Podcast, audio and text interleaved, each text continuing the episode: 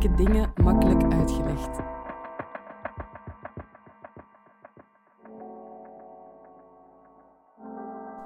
Dit is de podcast van Moeilijke dingen makkelijk uitgelegd. Wie de wereld wil verbeteren, moet wel begrijpen hoe die werkt. Daarom laten we in moeilijke dingen makkelijk uitgelegd een expert 10 minuten aan het woord om een complex onderwerp uit te leggen. Deze keer legt Safia Zine uit wat de Natural Hair Movement inhoudt. Mijn krullen zijn een super groot deel van mijn identiteit, zoals jullie waarschijnlijk wel kunnen zien. En vijf jaar geleden, als je me had gevraagd van, uh, ja, wat vind je nu eigenlijk van je natuurlijke haar, had ik gezegd, ik haat het, het is mijn ergste vijand, ik wil er niks over weten. Um, ik had het echt gewoon niet uitstaan. Um, ik heb eigenlijk ik ben dus opgegroeid en ik heb met deze krullen eigenlijk, maar al van heel vroege leeftijd uh, besefte ik dat het haar dat ik had als klein meisje bepaalde hoe dat mensen me gingen behandelen. Dus ik heb eigenlijk al heel vroeg geleerd dat krullend haar is echt niet zomaar haar. Um, mijn moeder ging wekelijks mijn haren kammen en brak daarbij meermaals de kam. Geen enkele borstel was bestand tegen mijn haar. Um, geen enkele kapper zag mij graag binnenkomen omdat ik te veel haar had. En op school um, vonden andere meisjes mijn haar niet mooi omdat het niet glad was en dat ik het niet kon kammen.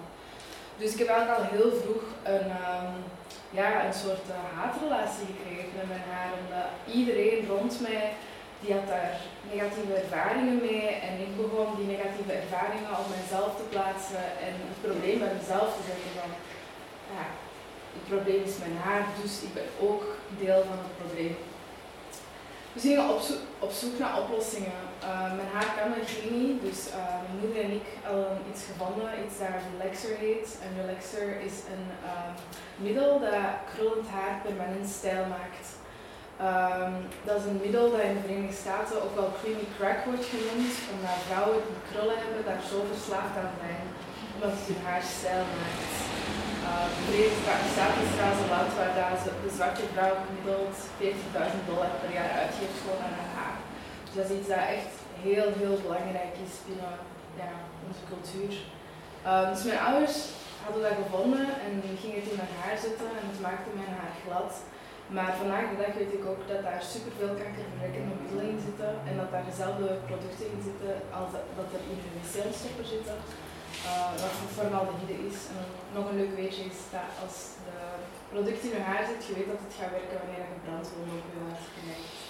Dus dat is iets dat heel veel vrouwen vandaag de dag nog altijd zichzelf laten meemaken, omdat zij het gevoel hebben dat ze niks kunnen doen met hun krullend haar. En dat is iets dat ik heb gedaan tot mijn 21 jaar. Uh, ik heb tot mijn 21 jaar gedaan en ging alsnog mijn haar stijlen omdat het toch pluizig werd. Ik ging niet zwemmen, ik was bang om te zweten, ik was bang om te sporten. Ik was bang om onder de regen te lopen, omdat ik dacht, als mijn krullen nu boven komen, gaat iedereen zien dat mijn haar anders is en dat is niet mooi. En ik moet het verbergen. Ik heb eigenlijk 21 jaar in een oorlog gezeten met mezelf. Um,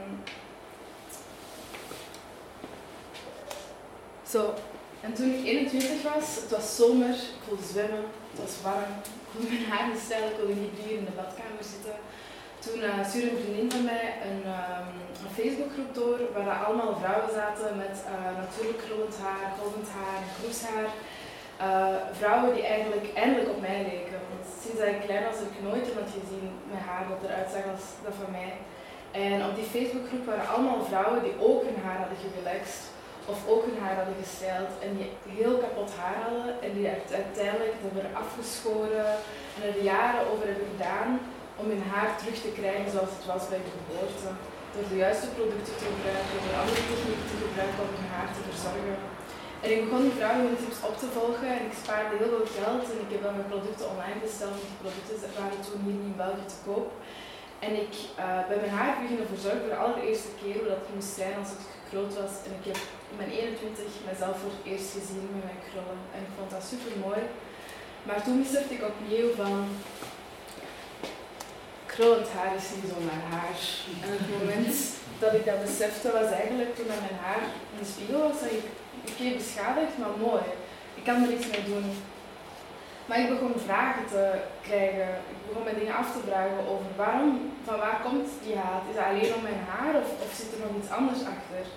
En terwijl ik eigenlijk mijn kapotte haar moest laten uitgroeien, mijn gezonde haar moest laten doorgroeien, leer ik eigenlijk dat ik ook al die negatieve vooroordelen die ik had geabsorbeerd in de maatschappij, dat ik die ook moest laten uitgroeien uit mijn hoofd. Ehm, vragen zoals, hoe komt het dat ik als donkere vrouw met krullen niet naar de kruisvan kan gaan en producten kan kopen die goed zijn voor mijn haar? Hoe komt het dat er geen enkele kapper is die mijn haar kan knippen of mooi wil knippen? Hoe komt het dat ik nooit beelden zie van vrouwen die op mij lijken in de media of ehm, vrouwen die als mooi worden bezien die op mij lijken?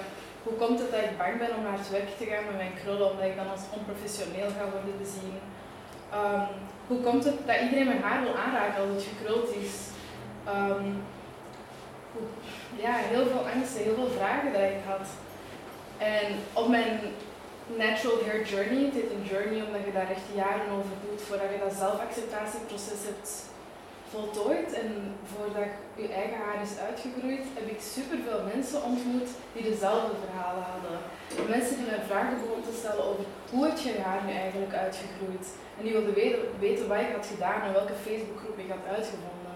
Dus de Natural Hair Movement is niet iets dat in 2017 is begonnen, dat is iets al sinds de jaren 60 met de Black Panther beweging en met zwarte politieke, politieke leiders die hun haar super groot droegen. Dat was toen al. Maar hier in België is het helemaal anders. We zijn in de Verenigde Staten, maar hier zijn ook gewoon mensen met krullen die ook hun haar willen leren om aan om het te leren verzorgen. Dus op een bepaald moment begon ik zoveel mensen tegen te komen dat ik heb besloten om krullenkapper te worden en in de chair te starten. In de chair, de C staat eigenlijk tussen haakjes, dus het kan gelezen worden als in the chair, in the hair.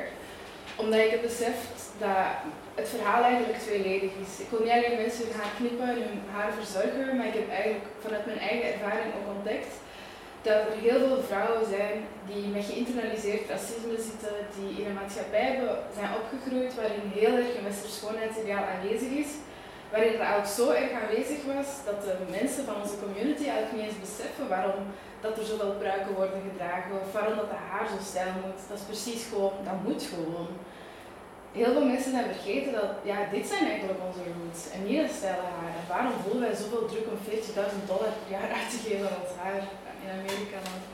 Dus ik ben in de chair begonnen en mijn missie met in de chair is eigenlijk om vrouwen te helpen die krullend haar, kroeshaar hebben en golvend haar en het leren verzorgen van hun haar, zodat ze zichzelf kunnen omarmen.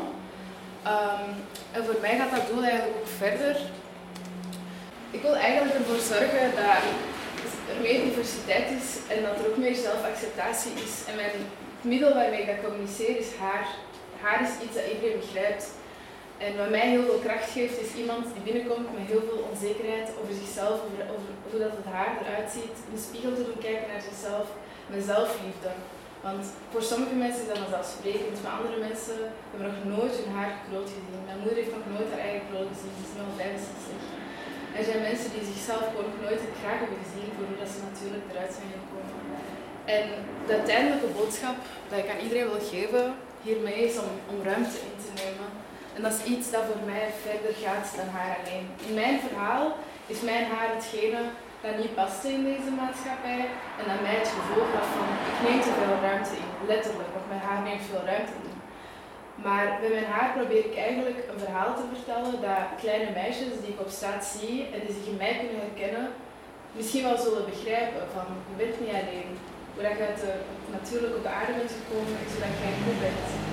En op deze manier wil ik eigenlijk um, westerse schoonheidsidealen en vooropgelegde normen en waarden van hoe iemand moet zijn doorbreken.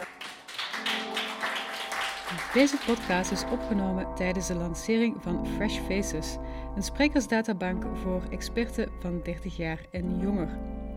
Ben je benieuwd naar alle jonge stemmen van Fresh Faces? Kijk dan op freshfaces.be. Mijn naam is Selma Fransen. Deze podcast werd gemonteerd door Jelena Schmitz. Fresh Faces en moeilijke dingen makkelijk uitgelegd zijn initiatieven van Curieus.